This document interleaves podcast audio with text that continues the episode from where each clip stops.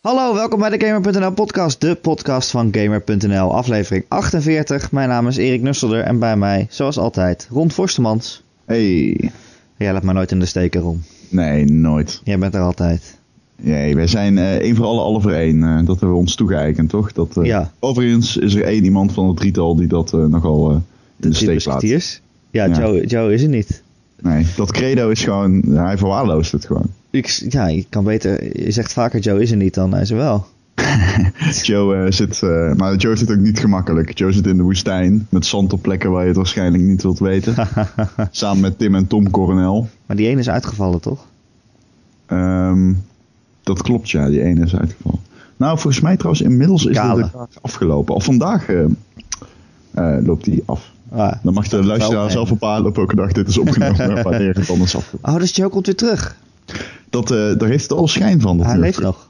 Ja. Oké, nou mensen die het, eh, de Dakar leuk vinden, die kunnen Joe's YouTube kanaal volgen, want daar heeft hij allemaal vlogjes gemaakt. Met eh, gekke zandtrucks op de achtergrond die dan eh, bijna over hem heen rijden. Een zandtruck. Een zandtruck. Dat is een truck die door zand rijdt. En niet een truck die van zand gemaakt is, want dat is onhandig. Nee, dat zou eh, echt niet handig zijn. Ja. Eh, we zijn met z'n tweeën vandaag, Ron. Ja, Kan je het aan? Nou, het wordt wel moeilijk.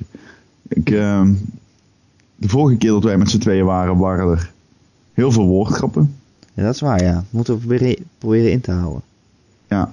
En ik heb geprobeerd om iemand nog hier te krijgen. Ik heb Michel gevraagd. Die had geen headset. Die heeft wel trouwens een nieuwe game PC gekocht. Zo, die heeft echt een vet dure awesome PC gekocht. Ja, van 2500 euro. Maar ja, eh, man. 2500 euro voor een PC?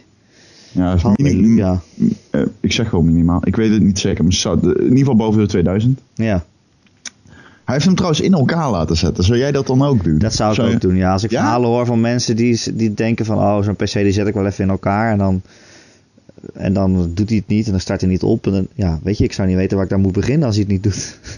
Op YouTube. ja, maar daar kan ik niet heen, want mijn PC doet het niet. je hebt toch een iPhone? ja, dat is waar. Maar Ja, Android. ik, zou, dat, ik ben daar echt niet handig genoeg voor. Wat kost het om het in elkaar te laten zetten? Ja, volgens mij is het gewoon... Nee. Dat is nee ik weet Erwin, duur, eh. Erwin van Gamer.nl van de Gamebytes podcast, die had zijn PC zelf in elkaar gezet en dat deed hij gewoon een heel weekend over. Voordat Ja. hij het deed. Ik bedoel, ja, een heel weekend tijd. Dat, tijd is geld, Ron. ja, misschien Tijd het iets is over. Erwin. Dat weet ik niet. Het is een slimme jongen, dus als hij het niet kan, dan kan ik het ook niet. Ja, is zo. Oh, nou, Oké. Ik, eh, ik vraag me af of Michel nu ook eh, eh, zich gaat begeven in zeg maar, het, het wat hoogstaandere PC-assortiment, zoals eh, Elite Dangerous en zo. Nee, het enige, dadelijk ook Star Citizen gaat spelen, of dat hij dus gewoon het, het enige waar hij het over had was dat hij. Rollercoaster Tycoon kon spelen. Ja. ja, gaat hij Rollercoaster. Tycoon 3 spelen. Nou, top toch? Ja, ja. Skylines is een, is een topgame. Is een topgame die heel slecht draaide op mijn MacBook overigens. Maar Ja. een, eh, Dan moet je dus een PC van 2000 euro kopen. Hou op met me, Erik, hou op met me. Hou op met me. Hey Ron, wij krijgen bij de podcast eh, wel eens het verwijt dat wij eigenlijk te weinig over PC's praten en veel over consoles. Ja, maar ik Ook weet we waarom dat is. Ik snap Omdat- dat wel. Omdat we er veel van weten, meer. Ja, nou, nee, dat is niet helemaal waar. Ik ben zelf eh, van origine een PC-gamer. Maar Ja. dat is het ding met de Gamer.nl, is van origine ook een PC-site. Ja, Wij zijn eh, eigenlijk een eh, segment van tweakers. Daar komen wij vandaan. Toen zijn we losstaand. toen op een gegeven moment werden we losgekoppeld van tweakers. En beide websites zijn beide wegen gegaan. De een met een groter publiek dan de andere. maar eh, ik bedoel, dus de roots liggen nog altijd in het PC-gamen. Ehm, dus ik snap dat ook wel. Dat mensen dan denken van waarom gaat de podcast niet zo vaak over PC-games? ja, terwijl jij hebt toch wel een aardige PC. Jij speelt toch wel eens PC-spellen? Ja, maar ik Dus, ben... eh, jij koopt je altijd blut op Steam sales en zo. Ja, nee, klopt. Maar ik ben ook wel zo van, ik trek me heel weinig aan. Dus dat klinkt kut, van ik trek me weinig aan van de luisteraar. Maar ik probeer... Ik, ik, ik, heb er weinig zoiets- aan van de Nee, luisteraar. maar ik heb zelfs zoiets van deze podcast is het leukste als ik gewoon vertel voor wat mij boeit. En als Ja. ik gewoon twee maanden lang eh, geen PC-game aanraak, dan is dat maar zo. Ja, Dan ga ik niet opeens heel geforceerd over PC-games lopen lullen. Alsof me dat dan opeens heel erg veel boeit. Nee. Bovendien komen heel veel console games ook gewoon naar de PC. Ja, plus dat inderdaad. ja. Het zijn vrijwel hetzelfde meestal. ja, er zijn wel echt van die console-ports naar PC die gewoon zo balgelijk zijn. ja, zoals die Batman. eh, Ja, Arkham die of eh, een enkele FIFA's geleden was het ook nog wel aardig janken. Ja, Meestal alle games uit, uit zeg maar meer het, het Oosterse, het, eh, Azië. Uh, Capcom games en zo, ja. Dus Ultimate, Street Fighter is een slecht voorbeeld. Maar die zijn vaak heel slecht gepoord naar PC. Ik zou wel eens willen weten waarom dat komt. Hoe Ja, dat... Net alsof het ze niet boeit of zo. Is de PC-markt in, in, in Japan en zo, is dat daar kleiner? Nou, dat durf ik niet. Nou ja, die is sowieso kleiner. Ja, maar ehm, eh, het is ook zo dat eh, bijvoorbeeld op dit moment, daar heb ik laatst eens een heel mooi artikel op gelezen, volgens mij. Op Kotaku. Want het ging over de underground indie eh, markt in, nou niet zozeer markt, zeg maar het, het indie game segment in Japan. Eh, en dat was een scene die eh, gewoon echt tien jaar geleden of zo al heel levendig was. En toen eigenlijk een beetje niet heel erg. ehm, het, het is heel erg inkraut geworden, de indie game van, uit Japan. Maar dan stond het erover. Ik zat zo eens na te denken. Ik ken eigenlijk ook heel weinig Geen indies. indie games uit Japan, nee. Nee, maar ze zijn er wel. Dus dat, eh, dat was zo. Dat vond ik wel tof. eigenlijk. Maar er zijn ook Dat- zoveel indies, hè. Dat, als je alleen maar al het, alle westerse indies zou spelen, dan zou je al meer hebben dan je ooit aan kan. Er Ja, komen zoveel games bij per week op Steam en, en, en weet ik veel op andere Ja. plekken. Dat is gewoon niet bij te houden. ja. Maar ja, hè? Dan moet Soms je de pareltjes eruit vissen. ja dat is, je hebt prachtige indie games. Je hebt ook prachtige AAA games. Eh, het gaat gewoon om dat je de juiste eruit pakt. En dan, Het gaat gewoon om dat je plezier hebt. Daar gaat het eigenlijk om. Daar gaat het Het inderdaad. maakt niet uit wat voor soort game het is. Ron, Ja. ik begin over PC-games. Hm? Omdat ik weet dat wij allebei deze week onze PC aan hebben gehad voor een Oh, spel. Ja, ik, ik mijn MacBook, jij je PC. Eh, Nou, ja, mijn, klopt. mijn laptop, maar goed. Laptop. Je Dan valt weet je al, als het op mijn laptop draait, dan weet je al dat het grafisch gezien niet veel voorstelt. ik moet trouwens zeggen, vol, ik weet waar je heen gaat. Wij hebben elkaar nog niet gesproken hierover. Nee. Ik heb alleen Erik aangeraden eh, dat hij een glas Dr. Pepper en een zakje chips moet pakken, moest pakken. En eh, er goed voor moest gaan zitten. En dat heb je dus gedaan. ik, heb het, ik heb het braaf naar je advies geluisterd. Goed We hebben het over de game Pony Island. De luisteraar denkt Is nu, een, is pony fucking what? Pony Island, ja, ja. Het is een game, eh, ja, een indie game dus inderdaad op Steam. Dat kostte 5 euro. En ik moet zeggen, Ron, eh, Michel, ja, onze hoofdredacteur dus, die was die game aan het slijten van, oké, wie wil hem reviewen? En ik had alleen maar de titel gelezen, Pony Island. Ik dacht, oh jeetje, dit is weer zo'n, dit wordt weer zo'n flauwe review, weet je wel. Net als dat we Euro Truck Simulator doen of zo. Dat je denkt, ja, waarom eigenlijk? Gewoon omdat het een leuke review oplevert. Maar het zal wel Ik, weer eh, een of andere game zijn over dat je op een eiland zit en ponies moet fokken. Ik kan je helemaal volgen. Ik had precies hetzelfde. Ik denk, Pony Island. Wat de fuck is dit nou? Maar hoe Maar- we dat? Een soort ik had- Barbie's, eh, Barbie's beste vrienden op, op de DS, zo'n soort spel. Ja, maar ik zei meteen tegen Mies van, oké, ik wil hem eigenlijk wel spelen gewoon. Ik had nog niks gegoogeld of zo. Oh, al voordat je gegoogeld had, wilde je hem al spelen? Ja, ik dacht, fuck it, ik wil het wel doen. Want ik had hem al een keer langs zien komen. eh, een, een indie-ontwikkelaar tweette erover. Ehm, Het is heel geen, positief. geen game over ponies. Nee, eh, maar daar kwam ik dus toen pas achter. Toen ik hem opstartte. Het is geen game over... Het is wel een game over ponies, I guess. er zitten ponies in.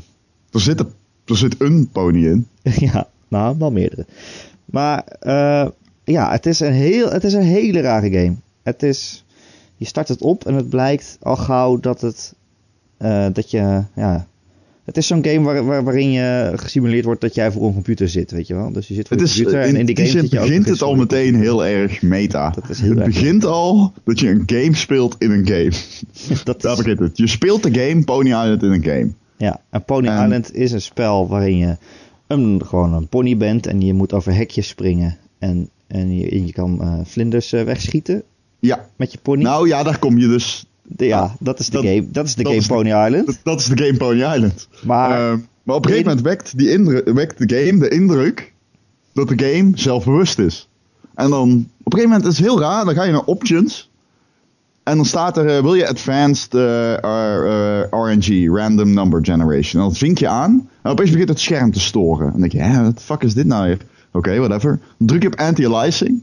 Aliasing, whatever. En dan op een gegeven moment, dan doet hij niets. Dan kun, kun je niet meer klikken.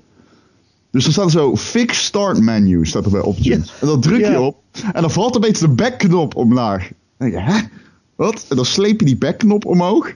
En vervolgens kun je de game spelen. En dan, dan kun je de game dus spelen. Ja, dat is het mooie. Dan kun je ik- op start game Ik begon klikken. gewoon door op start game te klikken en toen deed hij niks. Toen Nee. dacht ik, hè, is... Ik zat natuurlijk op mijn oude crappy laptop. Ik dacht, is mijn laptop niet goed genoeg om dit spel te draaien of zo? Want hij, hij doet gewoon niks. Dus ik blijf weer op start drukken en dan ga je inderdaad naar die opties. En dan blijkt dus dat je eerst het, men, het menu moet fixen. Door het vinkje aan te zetten. Ja, Heel raar. heel raar. Maar het blijkt dus uiteindelijk niet zomaar een game te zijn daarom. Het is niet zomaar een game. Het, Het is, is eh, ontwikkeld door, door de duivel. Het is een. eh, ja, het is heel raar. Maar het gaat niet alleen over een strijd tegen de duivel. Het gaat ook over een strijd tegen Jezus. En Ja. corrupte databestanden. Ja, ik ik bedoel, stel je daar maar wat bij voor, weet je wel. Ja, dat is Wat is dat dan? Wat, eh, wa- waar hebben wij het nu over? Ja, dat kunnen we eigenlijk ook niet echt uitleggen. Maar Uitleggen zonder spoilers, hè? Dat is... nee, je kunt het niet uit. Maar laten we, het, laten we erop zeggen dat eh, eh, die game brokkelt zeg maar die vierde muur langzaamaan af. Ja, de duivel En- die begint tegen je te praten terwijl je aan het spelen bent. Ja. En, En, en het is eigenlijk aan jou Ja. om... om ja, hij, heeft dat, hij heeft dat spel gemaakt, dat Pony Island, om een reden. En het is eigenlijk aan jou om dat spel zoveel mogelijk te slopen. Ja, Dus je gaat een beetje achter, je komt in de broncode. Dat, dat zijn dan een soort, dat zijn de puzzels in het spel. Hè? Ja, die puzzels, zijn, die, puzzels zijn, die puzzels zijn overigens niet heel leuk, vind Nou, ik. vond het wel aardig. Ze zijn wel aardig. Het is niet Game Breaking Bad of zo. Het is gewoon niet, Het was ook niet het heel is niet moeilijk. super inventief of zo. Het is niet heel moeilijk. Nee, Eh, maar dat maakt eigenlijk, echt geen eh, reet uit. Dat maakt echt geen reet uit. Je hebt eigenlijk heel veel regels tekst en dan loopt een teller van, van boven naar beneden. En dan, je moet dan pijltjes neerzetten van, dan gaat, als je een pijltje naar rechts doet, eh, dan gaat die teller, als hij daar voorbij komt, dan gaat hij van het linker rijtje gaat hij naar het rechter rijtje. En dan moet je bij het einde zien te komen. Het wordt Ja. nog steeds ingewikkelder eigenlijk, maar ja, het, het, het komt er eigenlijk op neer dat jij die, die, die broncode loopt te slopen van dat spel. Ja. ja, in principe wel. En dat doet het vanuit het uitgangspunt van... Ja, je komt zeg maar nog een andere tegenpol tegen van de duivel. Die spreekt je aan, die moet je eigenlijk helpen. Het is ook zo raar. Op een gegeven moment dan ben je aan het chatten. met, met de duivel. En, en met iemand anders. Het Ja. is zo Dan zit, je op een des- zit je op een desktop ineens, omdat je Ja, dan zit je inderdaad zit je dus in, in de game, in de broncode, in de desktop waarop het de, draait. game, op de Steam game het. crashed. Express. Ik dacht eerst echt even dat die game gewoon gecrashed was. Nogmaals, omdat ik op een crappy laptop speelde. Maar die game die crashte en dat hoorde, dat hoorde dus zo. Ja. Het is helemaal wars van logisch game design. Ja. Ik had Maar- heel vaak dat ik dacht van oké, ik wil nu naar de backknop. Ik wil nu hier weg, uit. Ik moet er even uit. Eh, dat ging gewoon niet. Dus dan ga je maar opzoeken, dan ga je maar zoeken naar een andere oplossing. Maar, maar voordat je het weet, ben je echt enorm ver verwijderd van het punt waar je was. en dan denk je eigenlijk van, ja, maar zit ik nog wel, zeg maar, ben ik nog wel, ben ik nog wel op het juiste pad? En dat vond ik zo tof aan die game. Dat- Het voelde zo erg als ik echt, ja, het voelde echt als een avontuur, bijna. Ik kan het eigenlijk niet echt beter uitleggen dat het gewoon heel erg, heel erg misleidend is. Ja. Ik hou gewoon heel erg van dit soort metagames die, die gewoon een spel, een spel in een spel spelen en dan zich zelf gaan afvragen van is dit wel een spel, weet je wel. En dan tegen je gaan praten als, eh, ja, alsof, alsof jij inderdaad dat spel aan het spelen bent. En dan gaat het spel tegen jou praten, weet je wel. Vroeger, vroeger was ik er altijd een beetje bang voor dat, dat, Ja, nee, dat de tv tegen je zou gaan praten of zo, weet je wel. ja. Dat, Ja, dat- dat- vroeger dacht dat ik heb echt shit. weer- Dat, echt, dat heb ik wel nooit gehad, Erik. Heb je er nooit Vertel. over gedroomd dat, dat, dat er iemand op tv is en die gaat dan ineens tegen je praten? Ik, Dat ehm, lijkt me zo eng. Dat was waarschijnlijk een van mijn grootste jeugdwensen. Echt? Dat de tv je tegen mij praten? praten. Dat is toch fucking eng? I don't know, man. Ik, ik, ah, ja, I don't know. Ik, ik weet wel, eh, over eng gesproken, die game. We hadden het er vorige keer over. Zeg maar, ehm, de games die eng zijn. Ik, ik ben niet heel gevoelig voor jumpscares en zo. Ik weet niet Oh. waarom. Ik heb het gevoel dat ik met de helft meekrijg. Oh ja, we hadden het Ik- over ik- Until Dawn vorige week. Ja, Oh, Until Dawn, ja. niet te doen. Niet te doen? Nee, is het zo? Ja, ik ben wel een klein stukje verder, maar het is inderdaad echt niet te doen. maar ga verder. Dat vind ik toch apart eigenlijk. Maar goed, oké. De jumpscares. Ja, Ja, nee, dat jij het echt zo erg eng vindt dat je het niet meer verder kunt spelen. Nou, ik ga wel steeds een stukje. Steeds een stukje en dan kap je ermee. En dan stoppen we weer even, ja. Ik moet hem nog spelen. Ik heb hem één Het keer is gewoon, gespeeld. vermo- het is gewoon, het het is gewoon eh, vertel. vermoeiend. Het is vermoeiend. Het is uitputtend, omdat je weet op elk moment komt er een jumpscare. Dus je zit de hele tijd gespannen Ja, oké. daar dus wel van schrik. En je, en je weet dat die komt. En je weet dat, het, dat, er, dat er 30 per uur komen.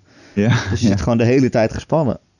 Ja, ja oké, Dat is daar best kan dan wel weer iets bij ik heb hem zelf voor de eerste keer gespeeld in Las Vegas, eh, na de PlayStation Experience. En dat was minder eng. Maar dat is ook, dan ben je achter je staat te Ja, zweten. maar dan zit je in een, in een zaal vol mensen natuurlijk. En, en ik zit hier thuis eh, op de bank mm, in het donker. Ja, ja precies. Ja, Eh, maar over creepy gesproken. Deze game was best creepy af en toe. ja. Geen Ik had best- maar... Nee, geen jumpscares. Maar ik had wel af en toe dat ik dacht van... Oeh, oh, dit is... Dit is... Oké, eh, een voorbeeld. Ik ga het even zeggen. Het is helemaal aan het einde van de game. Maar ik ga het vertellen op een manier dat het geen spoiler wordt. Ehm, het vindt ook een beetje plaats buiten de game om. Althans, die indruk wordt gewekt. Ehm, nou ja, laat ik zo zeggen. We, we waren in een conversatie beland met iemand in mijn eh friendlist van Steam. Weet je waar ik heen ga? Ja, ja, ja, ik weet het precies, ja. Ehm, en we pauzeerden uit ongemak en moesten opnieuw beginnen. En ehm, ik was in een conversatie beland. En na de hand besefte ik me dat, dat, het, zeg maar, dat het anders lag. En eh, opnieuw, ik wist als ik zou pauzeren nou, want dan, eh, dan moet je opnieuw beginnen, dat wist ik. Maar ik deed het toch, omdat ik zo ontzettend, ik- omdat ik het zo ongemakkelijk vond, dat ik erin getrapt was. Dat ik gewoon echt met kippenvel achter mijn laptop zat. En dat zit ik nooit in mijn game.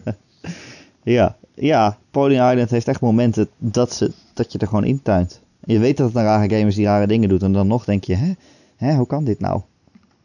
Ja, en ik heb iemand gesproken die zei tegen mij: Maar heb je de Magic Circle gespeeld en eh, Frog Fractions? Heb ik gespeeld, absoluut. Ehm, maar ander segment, niet per se beter of slechter.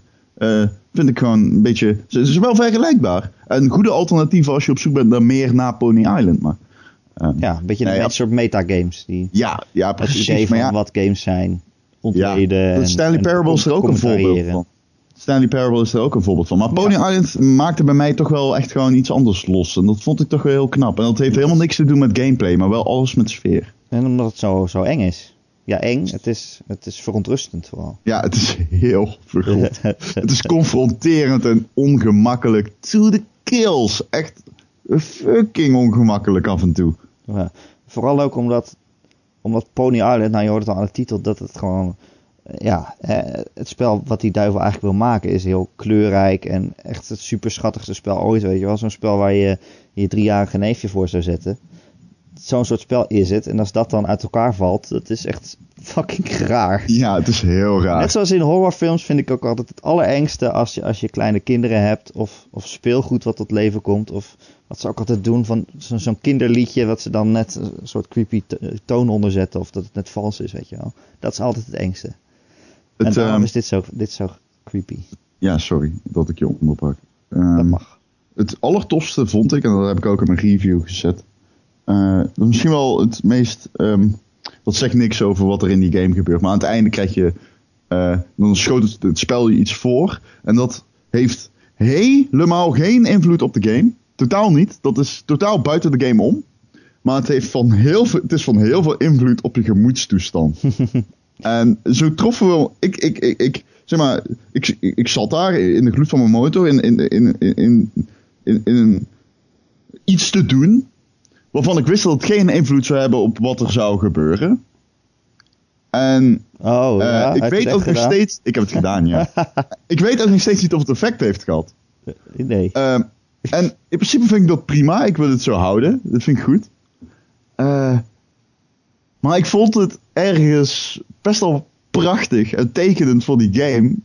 Dat ik het toch gedaan had. Snap je wat ik bedoel? Ja. Ja, jij snapt wat ik bedoel. ja, ik snap wat, ze, wat je bedoelt. Aan het eind vragen ze iets om te doen. Gewoon buiten de game. Wat totaal niks met het spel te maken heeft. Gewoon een soort van opdracht krijg je. En ja, waarom zou je dat doen? Dat, die, buiten die game om. Die game weet helemaal niet of je dat doet of niet. Maar je gaat Nou ja, dat doen, weet je niet. denkt, Dat weet je nog steeds niet. Of het dat eh, wel of niet heeft. Ja, hoe dan? Ja, dat, nou ja, dat kan. Ja. Het is niet onmogelijk. Niks is onmogelijk in Pony Island. Niet, nee, serieus. Nee, ik meen het. Ik ben doodserieus. Het zou mij niet verbazen als nu blijkt dat dat nog invloed heeft gehad. Nee, dat kan niet. Dat denk Nee, ik dat kan wel. Maar weet je wat ook wel mooi is, Ron? Want er zitten nog allemaal geheimen in die we niet ontdekt hebben. Ik zat een beetje op die forums te kijken. En er, zit, Mhm. ja, er zijn nog allemaal geheimpjes die je kan ontdekken. Ja, klopt. Ik, ehm, Maar ik geloof niet dat ik dat toch ga doen. ik zat op een gegeven moment, was ik een puzzel aan het doen. En opeens, eh, ik, ja, dat is, dat is maar lichting 2 van de puzzels. Op een gegeven moment, ik ging helemaal naar links. Oké, dat is heel vaak voor de luisteraar. Op een gegeven moment kwam ik gewoon in een, in een, in een screen uit, een boot-up screen. En er stond, eh, toen was ik opeens aan het praten met inderdaad de duivel. Hij zei, je mag mij drie vragen stellen. Oh ja, ja, ja. Eh, wie ben ik? Waar kom ik vandaan? En door wie ben ik vermoord? En ik koos voor die derde. Ik heb daarna, ik denk twee uur zitten googlen. naar het antwoord. Ehm, Nog ik ben eh, nog steeds niet gevonden. Nee, Nee. ik wil het niet weten. Ik wil er zelf achter komen. Dus maar er zijn, toch, er zijn dus drie punten in het spel waar je, die, waar je een vraag mag kiezen. Ja, klopt. Ik heb er twee gevonden. Ah. En ik weet het eigenlijk nog steeds niet waar het nou precies over gaat. Het is heel vaag. Ik heb wel een idee. Oh, dan gaan we dat buiten de uitzending eh, met elkaar Ja. vertellen. Ja, laten we dat doen. maar ik hoop dat de mensen die nu luisteren, die ehm, toch op enige zin, want het is heel moeilijk om Pony Island uit te We leggen. hebben het gewoon al Maar- 20 minuten over Pony Island rond. Ja, ik dat, is, dat is dus eh 1 twaalfde van de game. ja, ja, je het in drie uur wel uit. Ja. ja, vier uur ongeveer heb ik erover gedaan. Eh, zonder al het googelen. ja, precies. Het is niet moeilijk. Het is gewoon... Het is zeker niet moeilijk, nee. Ja, al ja, was er Sommige één... stukjes met springen Ah, er was één stukje, schieten. dat vond ik wel moeilijk hoor, Erik. Ja. Met dat schieten, weet je wat ik bedoel? ja, dat je sommige dingen niet mag raken, zeg maar. Ja, Ja, jeetje kut. man. Nou, daar heb ik echt wel eh, een uurtje of... eh, nou, ik denk wel drie kwartier over gedaan. Op die, over die, eh, ja. Maar ja, hè? Zo hoort het ook. Genoeg Pony Island rond, denk ik, of niet? Wou je nog wat zeggen? Je moet een gegeven Nou- paard niet in de bek kijken. waar ik net al een beetje he- heen wilde. De- Het is, Pony kan bij vlagen ehm, misleidend zijn, maar je moet dat een beetje omarmen en daarin meegaan. En dan is het echt zo'n geweldig, eh, geweldige game. En ik hoop ook dat we mensen een beetje enthousiasmeren om het op te pakken, want dit soort games verdienen het om gespeeld te worden. Precies. Eh, laten we doorgaan naar, eh, naar nieuws van deze week, eh, Ron. Ja, doe dat. We hebben het al eens eerder gehad over de, de, de nieuwe Hitman. ja. Die zou pas eigenlijk, zou die 1 december volgens mij uitkomen, toch? Eh, Afgelopen dat- december, toen is hij uitgesteld. Hij is uitgesteld, ja. Eh, en eh, nu is bekend geworden dat die game helemaal episodic wordt. Dus er komt in Ja. episodes uit over de komende maanden. En het was altijd al wel een game met een heel gek verdienmodel, hè? Het was iets van, ja, je kon de eerste, de eerste helft kopen Ja. en dan Voor zouden 40 dollar. ja, en dan zouden er 30 gedurende... Nee, je kon de eerste helft kopen voor 40 dollar, de tweede helft volgens mij voor 30 of zo, of ook voor 40. En het, het gezamenlijke pakketje kon je voor 60 kopen. En het idee was, het is een constante wereld die alsmaar uitbreidt. Ja, dus elke week of elke maand komt er een nieuw gebied en er komen nieuwe missies in. En we blijven maar content updaten. Ja. Totdat, totdat het een keer een volledig spel is eigenlijk. Ja, ik heb dit al eens een keer in de podcast gezegd dat dit zou gebeuren, wat nu gebeurd is. Ja, want nu is het echt van oké, eh, eh, wanneer kwam die uit? Maart geloof ik. Ja, 11 maart. 11 maart, dan is het gewoon, je, je, kan een intro pack kopen voor volgens mij 20 dollar. Of je kan als gelijk zeggen van ik koop het hele pakket en dan heb ik de komende maanden genoeg eh, Hitman. En eh, ja, in eerste instantie komen, komt er dan het eerste gebied en dan eh, een tijdje later komt er weer een volgend gebied. En dan weer nieuwe missies. Ja, ik weet niet. Het, Het is een episodische game, kortom. Het is Ja. episodic content geworden, net zoals je ziet bij Telltale. Ja, maar ja, het Telltale game kost 25 euro in totaal. En Hitman leg je 60 voor neer. Ja, het idee is nog steeds dat die wereld zich Vind je het wel leuk? Dat is wel... Ja, nou goed, ik, eh, ik durf het eh, niet eh, hardop te zeggen, maar ik heb er niet zoveel vertrouwen in. Nee, ook dat je nu nog twee maanden voordat het spel uitkomt nog helemaal je verdienmodel om gaat gooien. Het was altijd, ik vond het altijd super onduidelijk wat nou precies het voordeel voor mij was. Want ze legden het steeds zo uit van oké, je koopt het pakket en dan krijg je in het begin krijg je, eh, één map. Maar eh, weet je, dan heb je het hele jaar wat te doen, want de hele tijd voegen we dingen toe. Dus dat is hartstikke leuk. Maar ik dacht Ja. alleen maar, oké, ik leg dus 60 euro neer. En ik krijg nu een kwart spel en de rest van het spel volgt later. Ik bedoel, wat, is- wat is het voordeel voor mij daarvoor? Om gelijk, gelijk voor een full game te betalen, maar gewoon alleen maar een klein deel te krijgen in het begin en dat steeds uit te breiden. Waarom? Wat is, wat is het voordeel voor mij? Dat snap ik niet.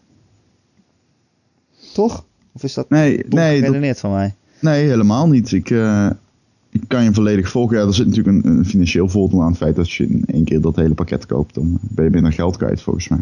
Ja, ja, maar dat is alleen maar omdat zij dat verdienmodel zo insteken dat als je Tuurlijk. alles loskoopt dat het dan duurder is. Maar natuurlijk. Maar ik vertrouw deze game. Nou, kijk, waar bij mij gewoon op neerkomt. Ik vertrouw Square Enix niet genoeg om te zeggen: hier, shut up and take my money. En eh, om dan te kijken. Kijk, episode 1 goed is, geloof ik wel. Maar weet, gaat episode 3 ook goed worden? Is daar een garantie in? Ja, Nee, of volgens mij heb je, niet. heb je na twee episodes heb je er dan misschien genoeg van? Dat je zegt, nou, ik heb twee derde van het spel gespeeld. Nu ben ik er wel klaar mee. Maar ja, je hebt al betaald voor de rest. Ja, eh, het is zelfs met die season passes tegenwoordig. Je koopt ze en je krijgt er misschien wel veel content voor, maar of die content ook iets voorstelt. Snap je? Het is, eh, ik durf niet op voorhand, als consument dan, durf ik niet op voorhand al eh, geld neer te leggen. geld uit te leggen. ja, precies, geld neer te leggen voor een product waarvan ik niet weet wat het uiteindelijk gaat worden. Nee. Vind Ik ik vind, ik vind sowieso dat Square heel raar bezig is en heel raar communiceert naar, naar fans en naar gamers. Niet alleen met Hitman, ja, dat begon dus met, met het begon al met een, gek, met een gek model en nu is het eigenlijk wel iets simpeler geworden. Maar ja, je denkt van ja, als je twee maanden van tevoren dat nog gaat veranderen, dat is eigenlijk ook gek. Want iedereen die had op pre-order staan en die zijn allemaal geannuleerd en eh, opnieuw ingestoken, zeg maar. Ja, klopt. Alle PlayStation 4 pre-orders bijvoorbeeld. eh, iedereen die hem gepre-orderd had, kreeg eh, zijn geld terug. Maar het is ook, Square is ook zo bezig met Final Fantasy. Final Fantasy 7, die remake die ze hebben aangekondigd, Ja. die gaat ook in episodes verschijnen. Eh, en daar geven ze ook allemaal vage redenen voor, omdat ze zeggen dat Final Fantasy 7 een te groot spel is om in één pakket te stoppen. Dan denk ik, Oh, bullshit. dan denk ik ja, hoezo dan? Natuurlijk is dat bullshit. Tuurlijk is dat bullshit. En als dat zo is, weet je, Final Fantasy 15 past wel in één pakket. Is dat dan een heel klein spel of zo? Ja, nee, precies. Dan Ja. praat je jezelf zo vaak tegen dat het eigenlijk niet meer echt geloofwaardig wordt. Nee, precies. En, en ze doen het ook met Kingdom Hearts. Kingdom Hearts 3 is volgens mij twee jaar geleden, of drie jaar geleden zelfs al aangekondigd. Kingdom Hearts. En daarna 3, hoor je er niks meer van. Nee. En je weet dat die game pas Nou, we hebben vier jaar uitkomt of E3. zo. Nee, we hebben hem gezien op de E3. Maar Dat je weet, helemaal niks. Mm, je weet het niet meer op de persconferentie van Square? Ik weet nog dat hij er was, maar hij komt echt pas, denk ik, in 2019 uit of zo. Ja, nee, dat Dus klopt. dan ga je vijf jaar voordat je game uitkomt, ga je hem, uit, ga je hem aankondigen. Nou, volgens mij komt Waarom het ook een beetje... dat aan? Kijk, Square Enix kent de klepper van de zweep. En ik denk dat zij ook heel voorzichtig zijn daarin. En niet te veel willen laten zien, omdat ze weten dat die achterban nogal snel ehm, gepikeerd kan raken als het anders is dan zij hopen of Maar waarom laat je dan überhaupt, waarom kondig je Kingdom Hearts 3 aan als je weet dat het nog vijf jaar later pas uitkomt? Nou ja, ik denk ook dat het nodig is om af en toe mee te gaan in een mediastorm. En dat je wel moet laten zien van, wij zijn er nog. Hey, hallo, hey, hallo, ja, we hebben deze licentie nog, Kingdom Hearts, we komen eraan. Weet je? Ja, maar zo lang. Het is zo stom. Ja, het is Ik wou inderdaad... dat meer mensen het, het Fallout 4 eh, pad volgden en gewoon het op de E3 aankondigden en in november ligt hij in de winkels, weet je wel. Ik snap helemaal wat je Een paar bedoelt. maanden tussen. Dat is genoeg Dat om, was me om toch lekker? te worden. Dat was echt heerlijk, hè? Ja. Dat was echt lekker. Ik had hem bijna zelf gekocht. Ik ben helemaal geen Fallout speler, maar ik had Nee. hem bijna zelf gekocht. Ik heb hem ook niet gekocht, maar dat is wel precies, dat is een goede, goede tijdspad om gehyped te worden. Ja. Want als je iets neemt als Watch Dogs of zo, toen ik dat op de eerste E3 zag dat het aangekondigd werd, toen was ik daar wel gehyped voor. En toen kwam die pas twee jaar later uit, of drie jaar misschien zelfs wel. Nee, twee volgens mij. En toen was, was de hype al een stuk minder. Over Yuppie nieuws gesproken. Mogen we even een, een, een prompto Yuppie nieuws of Yuppie nieuws doen? Wil je een joepie, wat was het dan? Joepie of jammer nieuws is het? Ja, oké. Yuppie of jammer. Oké. Ehm, ik heb namelijk een theorie voor mezelf uitgedacht. Ehm, waarvan ik best wel denk dat die klopt. Maar ik kwam er nadien achter, want ik had hem gepost eh, op de Facebook van Inside Gamer. En ik kwam er nadien achter dat het eh, ehm, ook eh, best wel een logische theorie was toen ik hem opzocht op het internet. En dat ik niet de enige was die hem eh, al had uitgedokterd. Het komt eigenlijk hierop neer. Ik denk dat er aan het einde van het jaar een Watch Dogs game komt. Ja, dat, is- dat was in dat uitgelekte rapport stond dat. Is dat zo? Ja, dat rapport over Assassin's Creed, weet je wel. Die zei dat het Assassin's Creed zou 2016 overslaan. 2017 komt er een Assassin's Creed Egypte. En er stond ook in dat 2016 dan de plek waar normaal Assassin's Creed uitkomt, dat die opgevuld werd door Watch Dogs 2. Oké, ik heb dat rapport dus niet gelezen. Ik ben alleen bekend met het nieuws wat van de vorige podcast ook al zeiden, weet je wel. Van dat eh, toen Ja. Kevin erbij was. Dat we eh, waarschijnlijk een jaartje overslaan in de Assassin's Creed serie. Ja, wat maar ik zat dus te denken, als, als, Division in, eh, als de Division in maart uitkomt. Deze maart, ja. Ja, en Far Cry Primal in eh, Ook tijd, februari. Ja, februari. al snel hè? Ja, wat, wat gaat Ubisoft dan doen aan het einde van het jaar? Als ze geen Assassin's Creed. Ehm, ja, Watch Dogs. Watch Dogs 2. South Park. Ja, te klein. Wildlands. Ghost Recon Wildlands. Nee, die gaat denk ik... Gaat die volgend, naar volgend jaar geschoven Ja, worden? dat denk ik wel. Zou kunnen hoor. Dan komen ze met... Maar ja, nee, dat zou nog wel kunnen. Ik... ehm, Ja, nee, dat denk ik wel. Daar heb je wel een goed punt. Wildlands zou ook nog kunnen. Maar volgens mij gaat die wel gewoon in 2017 komen. Dat denk ik eigenlijk ook wel, ja. Ehm, alleen, ik denk dus dat Watch Dogs 2 een goede kandidaat is om dat slot inderdaad te vullen Ja. dat Assassin's Creed leeg laat. En eh, een logische kandidaat ook, omdat het soort van hetzelfde type game is. Hè. We weten allemaal, dat weten uitgevers ook, dat die, die westerse open wereld games, dat is, gewoon, dat is hier gewoon een ding. Dat doet het goed. Ja, De Skyrims, de Fallouts, de Watch Dogs, de Assassin's Creed, de GTA's. een open wereld waar je veel te doen hebt en, en heb je lekker waar voor je geld. Je kan een beetje rond, eh, rondrijden en dingen doen. Ja, En ook gewoon een verhaal om te volgen. precies. Nou, dat is. Dus eh, ja, ik denk het wel, man. Ik heb eigenlijk wel zin in Watch Dogs 2. Ja? Dus ja, vind je dat, vind je dat stom? Ik heb die eerste met eh, best wel veel plezier gespeeld. Alleen, ik, op een gegeven moment had ik gewoon zoiets van... Eh. Het leukste om te doen in heel Watch Dogs vond ik die security torens eh, ontmaskeren, weet je. Of Ja. eh, ontmantelen. Ik vond, het dus, ik vond het dus ook wel leuk om gewoon rond te rijden in mijn auto. En dan word je door de politie achtervolgd. En dan, dan klap je zo'n hek dicht, weet je wel. Dan Ja, ja, ja. Naknallen. Of, of omhoog. of je hekt, eh, hek- hekt het stoplicht. En dan komt er ineens een verkeersongeval tevoorschijn. Ja, klopt. Dat was zo. Ik vond het wel leuk. Maar waarom ik zo'n zin heb in Watch Dogs 2... is omdat ik denk, Ubisoft kennende... dat ze, dat ze net zo'n stap kunnen maken als met Assassin's Creed. Kijk, Assassin's Creed 1... die liet heel goed het, het, eh, het, Potentie. het potentieel zien van die game. De. Het was best wel een saaie game, om, eigenlijk, als je er nu nog naar kijkt. Omdat je het hetzelfde aan het doen was. En alle missies waren ongeveer precies hetzelfde. Maar de potentie was heel goed. Zo van, oké, terug in de tijd. En een hele stad om te verkennen en op te klimmen. En dan ga je gang maar. En Assassin's Creed 2, die, die, die lost eigenlijk die potentie helemaal in. Dus Ja. als ze nu weer zo'n stap kunnen maken en Watch Dogs wordt... Weet je, want de eerste Watch Dogs hadden we precies hetzelfde. Dat die potentie er goed was met dat hacken. Omdat het niet helemaal goed uitgevoerd werd en het verhaal was een beetje slap. En, en ja, de missies waren ook wel best wel repetitief. Maar dat in Watch Dogs 2 dat dat nog wel eens helemaal goed zou kunnen komen. Ja.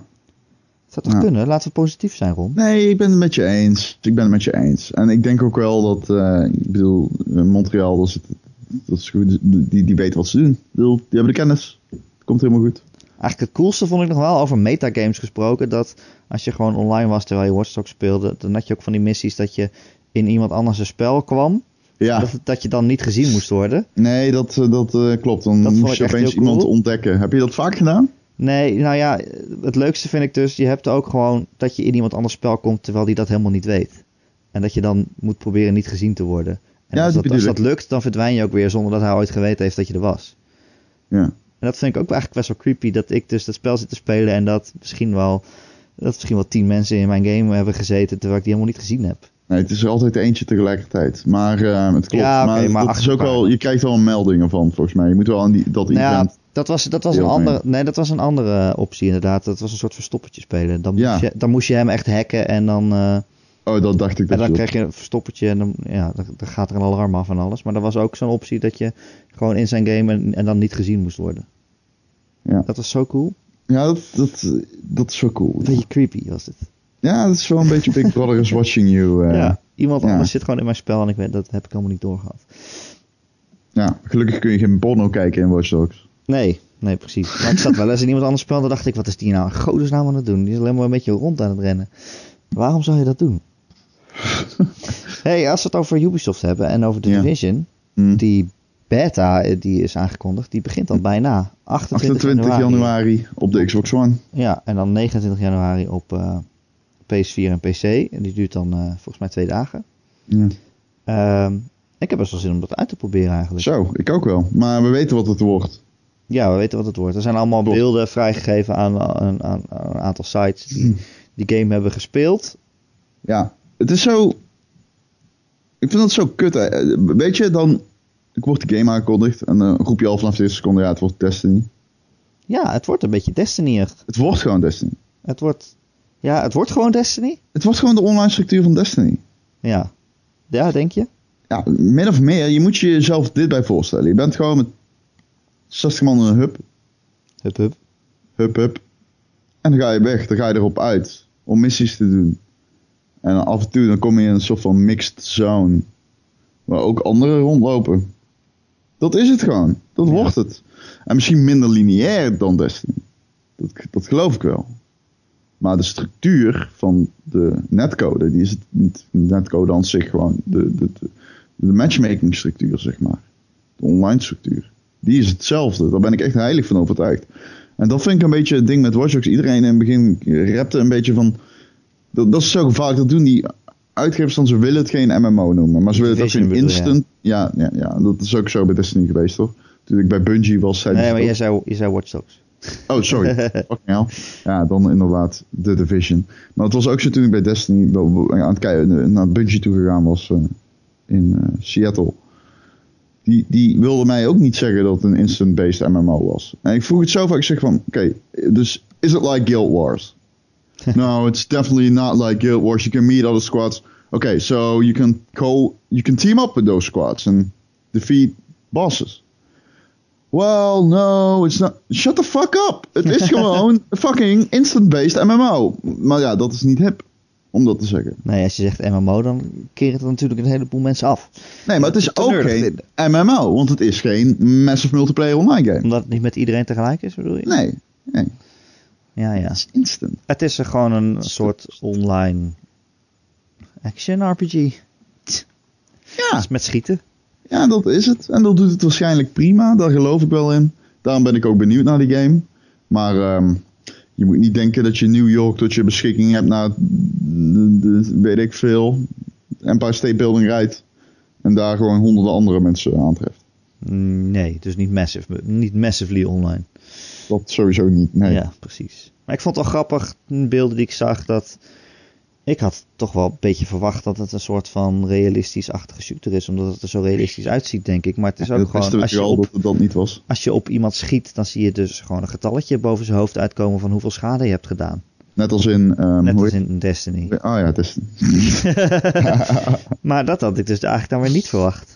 Nee, ik wel. Ja, nee, want het is gewoon Destiny. Ja, ik geloof er eigenlijk in dat ze... Misschien dat die loot structuur en zo anders is. Ik bedoel, maar de, de basic concept. Ik geloof er eigenlijk in dat dat gewoon zo is als Destiny. Ik denk ook dat het van Ubisoft de game moet worden.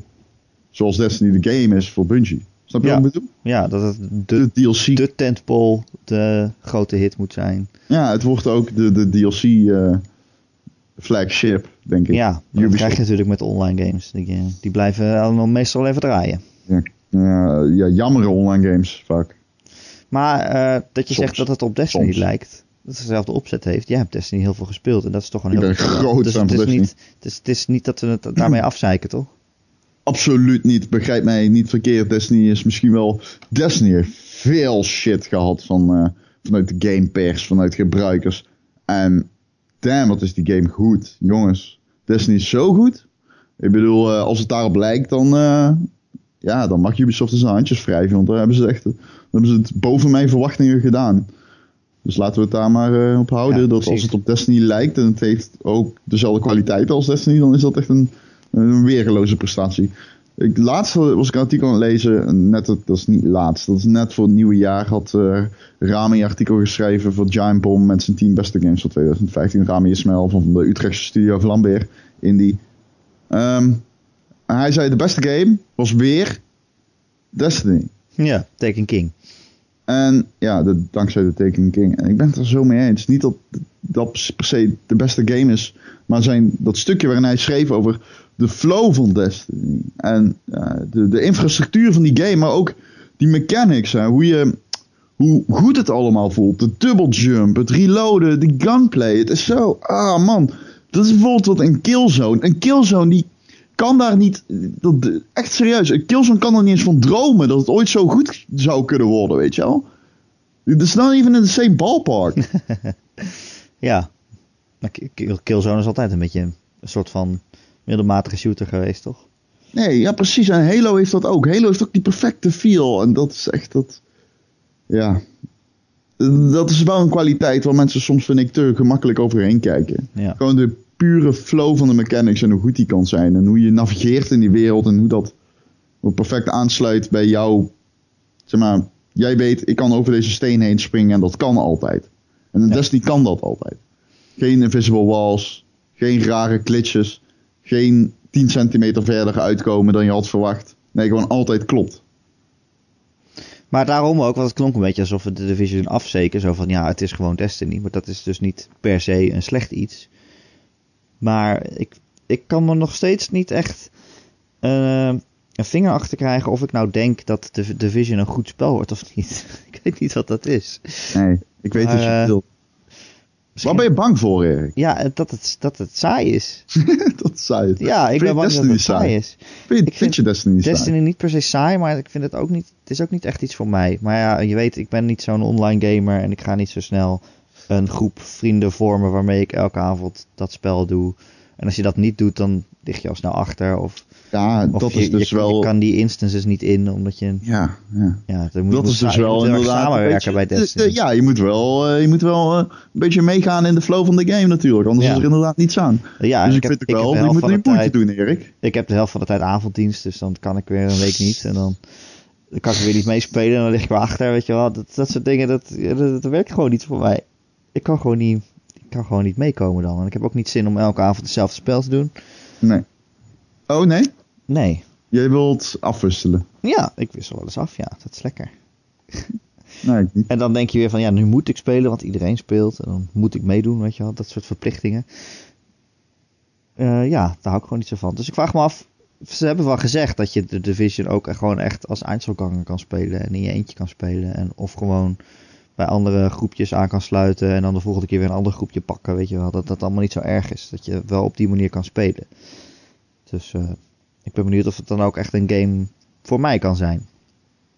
Want jij hebt waarschijnlijk al je groepje vrienden klaarstaan om... eh, Die- nou ja, al- als het moment zich aandient. En ehm, ja, we gaan daadwerkelijk weer eh, de volgende uitbreiding. eh, de volgende uitbreiding komt uit van Destiny. Oh ja. Maar Dan heb je geen groepje. Voor de Division. Die Division wil spelen, zeg maar. Voor de Division. Ja? Ik denk wel dat ik. eh, ik kan. Ik heb het, kijk, Rainbow is een hele andere game dan de Division. Niet te vergelijken, absoluut Rainbow niet. Six. Maar ik denk wel dat het soort van Rainbow Six, ja. Ja, je hebt hem weer genoemd. Dat is knap. ja. ik denk wel dat die mensen met wie ik dat spel speel ook wel geïnteresseerd zijn om in ieder geval de Division te checken. Ja, Het is ook wel, het ik denk dat voor iedereen een interessant concept is. ja dat denk ik ook. Ja.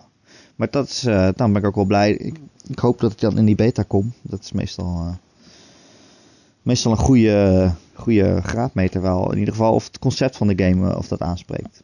Ja, Net zoals met Rainbow Six toen. Dat vond ik toen super vet. ja.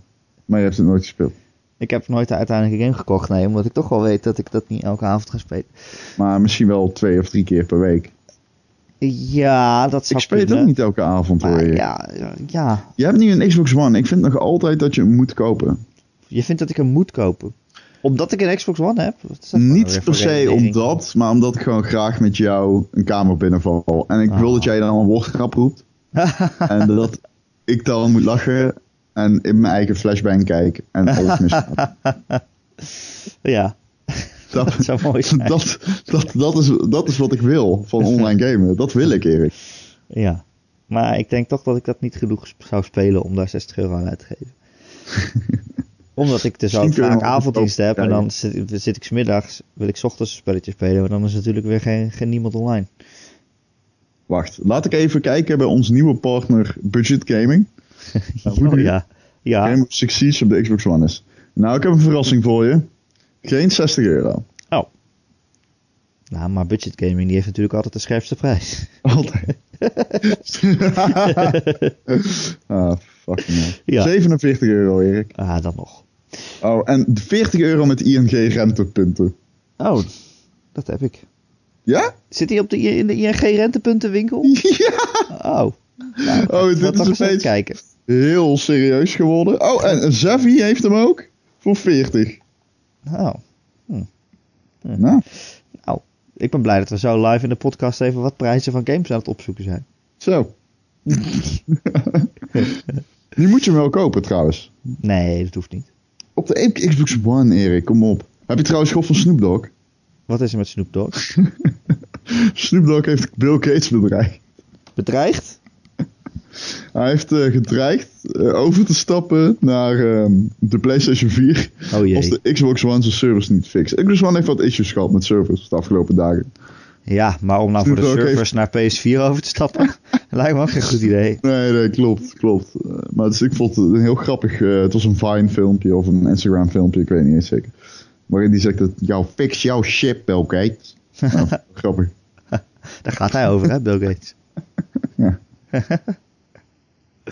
oh, dat is wel grappig inderdaad. Eh Ron, Erik, Ron. Erik, Wat, wat ben je nog aan het spelen? Erik, vertel eens wat leuks, behalve Rainbow Six. ik heb niets gespeeld, ook geen Pony Rainbow Island. Six, naast Pony Island. En het was heerlijk. Make no mistake, ik ben een gamer, maar ik ben geen profvoetballer. Ik kan wel een weekje zonder conditietraining. wat zeg je nou? Ik kan wel even een weekje zonder te oefenen in gamen. Ik kan wel gewoon een weekje zonder gamen. Het is voor mij niet nodig om dit werk te doen en iedere week te gamen. Nee, maar het Dus- is gewoon leuk. Af, en- ja, Het tuurlijk. is maar gewoon af en toe leuk. vind ik Niemand, het... nee, niemand hoeft te gamen. niemand hoeft te gamen. Het is niet verplicht. Ik vind het fijn om soms gewoon volledig scheid te hebben. En gewoon de hele week gewoon niezen. Ik heb deze week veel gesport. Alles heerlijk. Je ziet er ook goed uit. Dankjewel, Erik. Jij ook. Je schittert als een steek. Als een hypernova. Een hypernova. Ja, jij blaast methaangas uit als een echte hypernova. Ja, ik laat veel scheten, dat is waar. Ik heb bruine bonen gegeten gisteren. Dus, eh, Serieus? nee. Niet? Je liegt gewoon. Wel, ui, wel uitjes. Daar Uitjes? Ik heb gisteren ook uitjes. wel, Ik heb gisteren wraps gemaakt. Ja, met kip.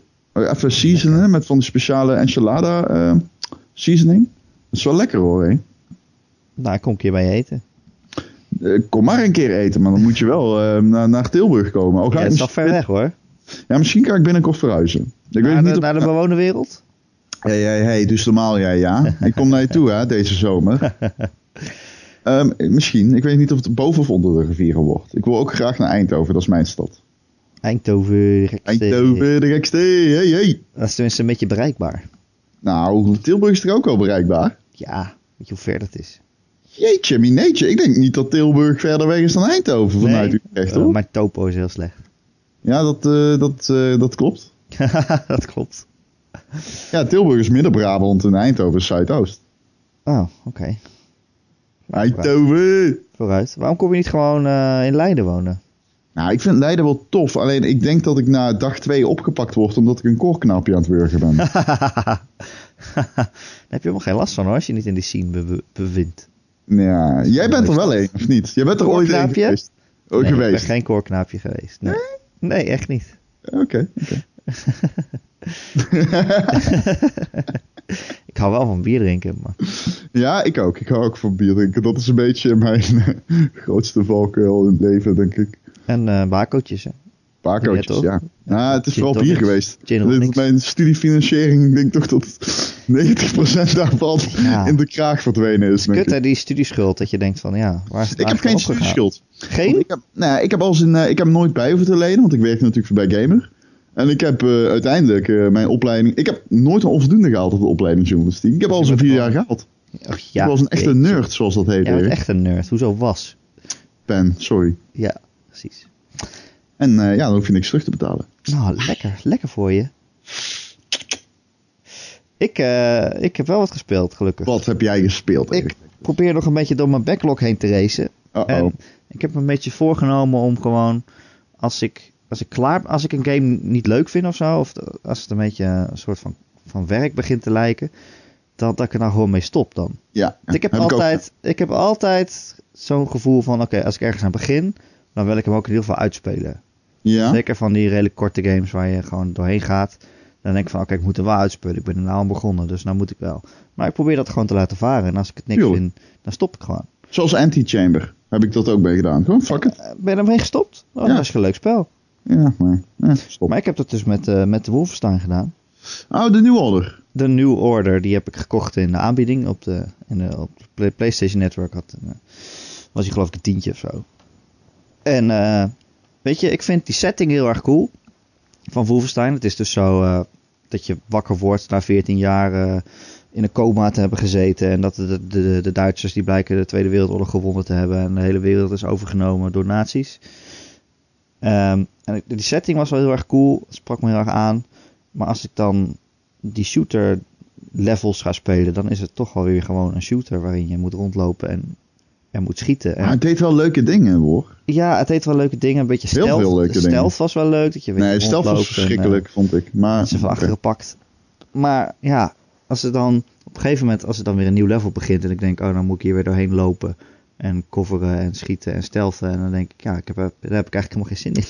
Ik, ehm, ik hou niet zo van shooters, ik weet ben- niet wat het is. Ja, dat, is, dat kan. Iedereen maakt fouten. Ik had vooral bij eh, die game... Ik heb hem gerecenseerd. Ik ben verguisd op Gamer.nl omdat ik hem 6,5 heb gegeven. Dat was ook wel laag natuurlijk. Het was heel laag, maar dat had een hele goede reden. Anders had hij waarschijnlijk veel hoger gehad. Die game was zo intens buggy tijdens mijn playthroughs. Ik heb langer met de PR-manager van, eh, van Bethesda aan de lijn gehangen dan dat ik die game gespeeld heb. Ik Ja? kwam gewoon niet verder. Ik heb drie keer van nul punt opnieuw moeten beginnen. Halverwege de game. Oh. Ik, eh, op een gegeven moment was ik zo ontdaan door hoe buggy die game was. Want ik had er meerdere keren in één level. eh, nee, ik had verschillende levels dat de AI, de vriendelijke AI, bleef haken. Waardoor ik zeg maar niet meer, de NPC bleef haken, waardoor ik niet meer verder kon die game. Bijvoorbeeld, er is een moment dat stapt de NPC de auto in, stap je aan de andere kant in, dan rijd je samen het level weg. uit. Ja. Ik heb dat dus een keer gehad dat die bleef haken achter een tafel. En dus ik kon niet, hij, hij deed niets. Die hij auto? kwam niet verder. Nee, nee, niet de auto. De NPC die richting de auto Oh. liep. Dus ik kon niet verder. En ik heb dus gewoon anderhalf uur in dat level rondgelopen. En ik heb heel die route die je met de auto reed gelopen. Ach, Maar er gebeurde niks. Dus, nou, overnieuw beginnen.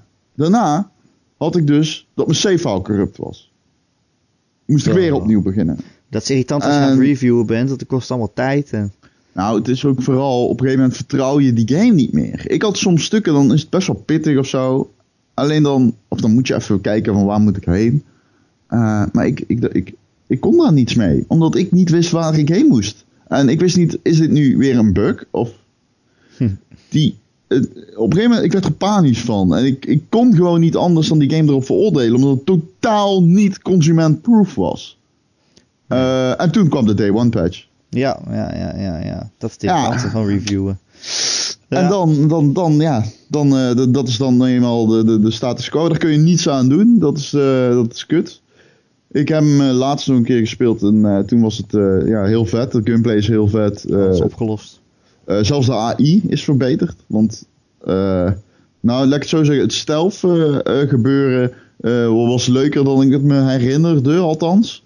Ik kan me herinneren dat ik heel vaak heel veel eh, van die eh dubbel tap momenten had. Dat ik even iets opnam. Omdat gewoon op, opeens uit het niks, zeg maar iets opnam met de, met, de, met de Xbox of Playstation of whatever.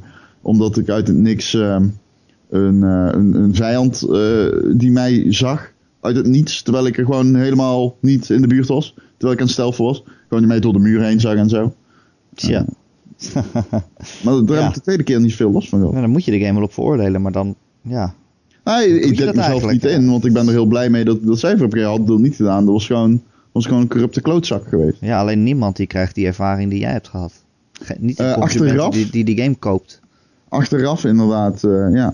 Dus de- wat dat betreft is die review dan weer Ah, niet gelukkig, zo, ha- ja, niet zo informatief voor mensen die op dat moment dat spel willen kopen of zo. ja, heb je die DLC gespeeld? Nee. Nee, ik ga niet ook nog DLC kopen als ik het spel niet zo leuk vond. Nee, oké. Het schijnt heel tof te zijn. Ja. Nou ja, wat ik zeg, ik vind de setting en zo heel cool en ik snap dat het een goed spel is. Maar ik heb gewoon niet zo snel iets met een first-person shooter.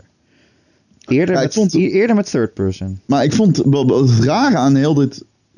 aan die recensie voor mij persoonlijk. Nu gaat het heel erg op de recensie, minder op die game. Maar ik was toen naar de Gamescom geweest.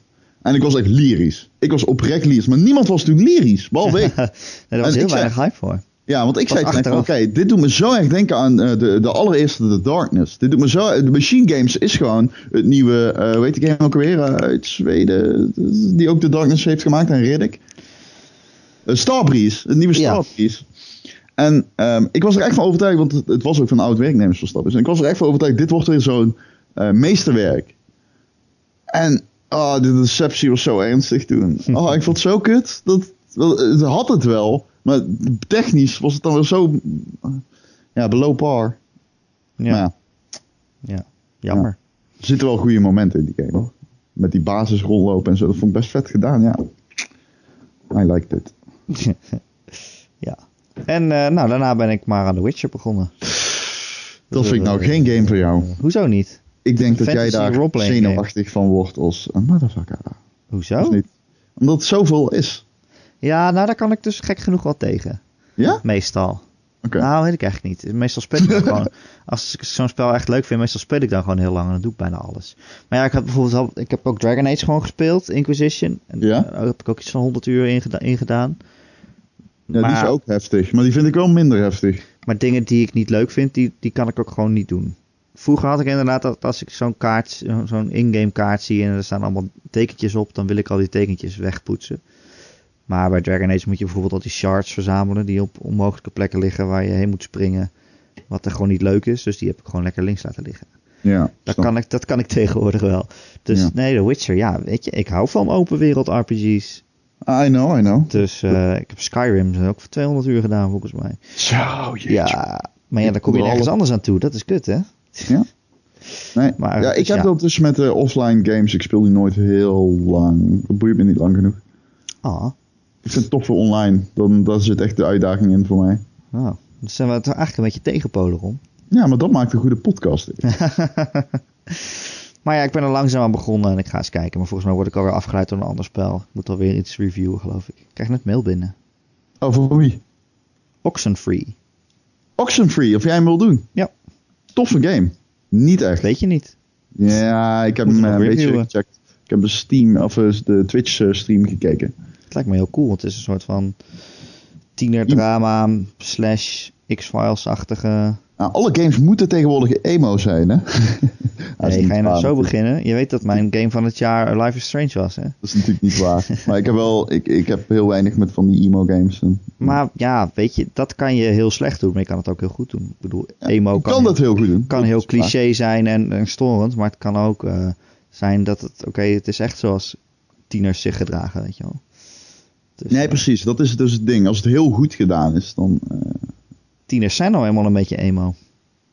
ik geniet allereerst, ten allereerste... Ik, ten eerste, ik geniet... Ik kan echt intens genieten van gewoon iets dat goed is. Wat is dat nou weer voor zin? Nee, gewoon kan kwaliteit. van iets dat goed is. Ja, ik zweer het je. Ik heb laatst echt drie uur lang naar filmpjes zitten kijken van iemand die op een geweldige manier, op fascinerende wijze, maar dat was de beste ter wereld, een varken kon slachten.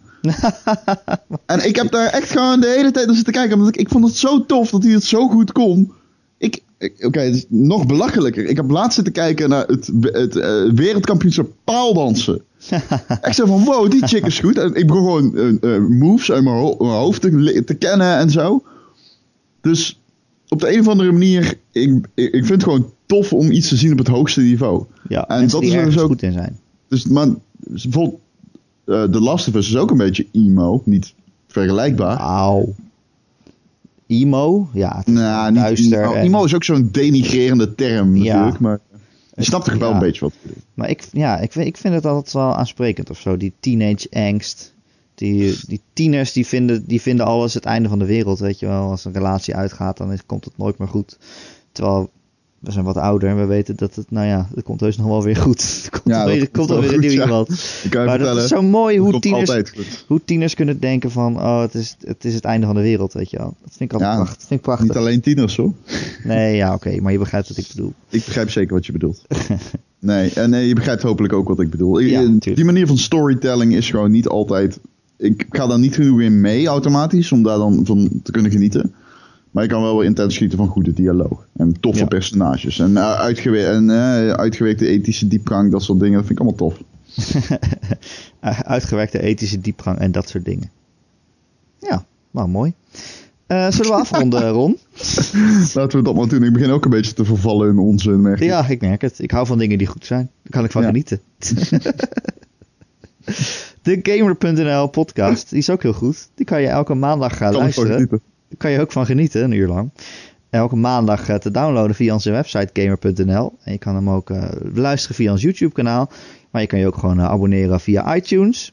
En dan krijg je hem elke week automatisch als een soort magie op al je Apple-apparaten. En als je er toch bent in de App Store, vinden wij het heel fijn als je ook een recensietje achterlaat, een sterrenrating en een, misschien een tekstje erbij. Dan zijn we weer beter vindbaar voor nieuwe luisteraars. En je kunt je ook abonneren op allerlei andere podcast services. Uh, bijvoorbeeld op je telefoon. Dat is hartstikke handig. Heb je een vraag of een, een onderwerp wat je graag wilt dat wij een keer behandelen in de podcast, dan kun je een mailtje sturen naar erik.gamer.nl. Erik met een k.gamer.nl. Of nog makkelijker, je laat een reactie onder op onze website gamer.nl in het berichtje waar je deze podcast hebt gevonden. Ron, het was best gezellig met z'n tweeën, hè? Ja, gasten, serieus. Uh, ik vond het leuk. We hebben het twintig alle... over ponies gehad. Allereerst um, bedankt dat jij er was. Ben bedankt dat jij er was, Ron. Nee, nee, nee. Bedankt dat jij er was. Jij bent de man. Maar jij ook. Jij okay. bent de pony. Yes. De Ronnie? Je hebt het heel aardig gedaan. Ronnie. Ronnie Island. Ronnie, Ronnie Island, ja. Mensen kopen Pony Island. Mm. Als je één boodschap meeneemt van deze podcast. Precies, het advies van de week. Koop Pony Island. Spelen met chips en cola. Ga ervoor ja. zitten. En als iemand die je cadeau doet, dan moet je een gegeven paard niet in de bek kijken. Ik distancieer me van die boodschap. Tot volgende week. Tot volgende week.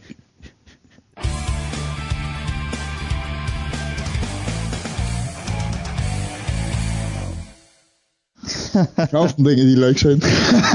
ja, ik kan echt genieten van, van, van mooie dingen, van goede dingen. maar je snapt wat ik bedoel, neem ik, ik genieten van goede dingen. Maar je snapt toch wat ik bedoel als ik zeg ja. van kwaliteit. Ik kan gewoon genieten van dingen op het hoogste niveau. Ja, maar waarom... Tuurlijk kan je genieten van dingen die goed zijn. Dat is toch Nee, op het allerhoogste niveau. maar dat zei je niet. dat zei... Oh, dat je zei, ik kan echt genieten van dingen die goed zijn. Oh nee, dat zei ik in het begin. Dat klopt. Dat was een kut manier om, om het te zeggen. Dat, dat is ik kan ook genieten van dingen die goed zijn, Ron. Dan vind jij ook zo leuk. Dankjewel. Nee, jij bedankt. Dat neem ik mee. Uh, dat, ik, ik, hoop dat er een paar quotes van mij een keer uitgeschreven worden. Dat die ergens uh, op een grafsteen verschijnen. Dan gaan we er een game van maken, zoals Pony Island. Ja, dan heb je dus wel de naam, Brony Island. Dat je moet zoeken in uh, uitspraken van Rom. Hm, dan raak je wel verdwaald en dan kom je waarschijnlijk nog En op een gegeven moment komt er dan een gans, die heet Hans. Hou op.